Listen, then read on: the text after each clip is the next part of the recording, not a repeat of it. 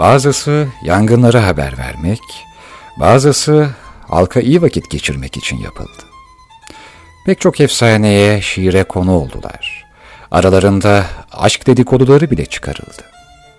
Aklı havada, başı bulutlara uzanan bu sivri yapılar, modern muadili gökdelenlerden epey farklıydı.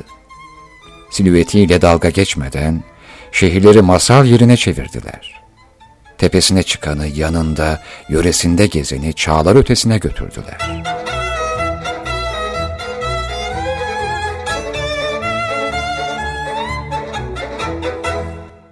İlk kulemiz yangınların habercisi Beyazıt Kulesi.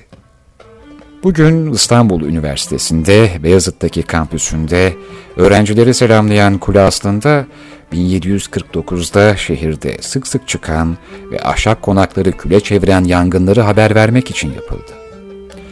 Başta ahşap inşa edilen kule 1756'daki Cibali yangınında ve 1826'daki Yeniçeri ayaklanmasında zarar görünce iki yıl sonra Sultan II. Mahmut zamanında Zeneker'in balyana kagir olarak yeniden yaptırıldı.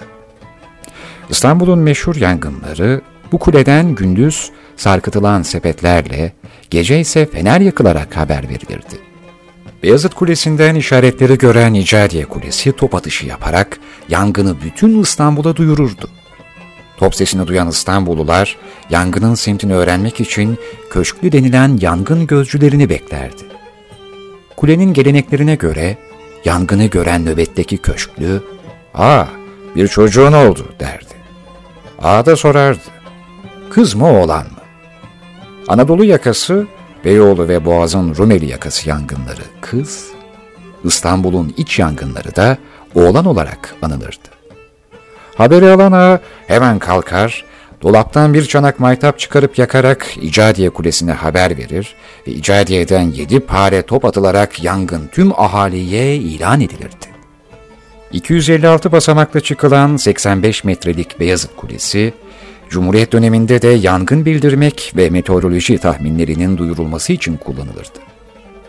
Kule yeşilse ertesi günün yağmurlu, kırmızıysa karlı, sarıysa sisli, mavi ise havanın açık olacağını müjdelerdi.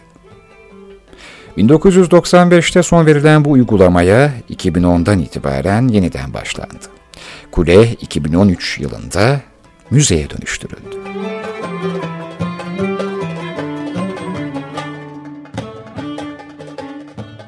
Beyazıt Yangın Kulesi'nin gökyüzüne bakan dev bir Osmanlı topundan ilham alarak inşa edildiği eskiden topları yukarı çevirmek barış sembolü olduğu için bu kulenin en barışsever kulelerden olduğu söylenir. Galata ile Kız Kulesi'nin aşkını kıskandığı da dedikodular arasındadır.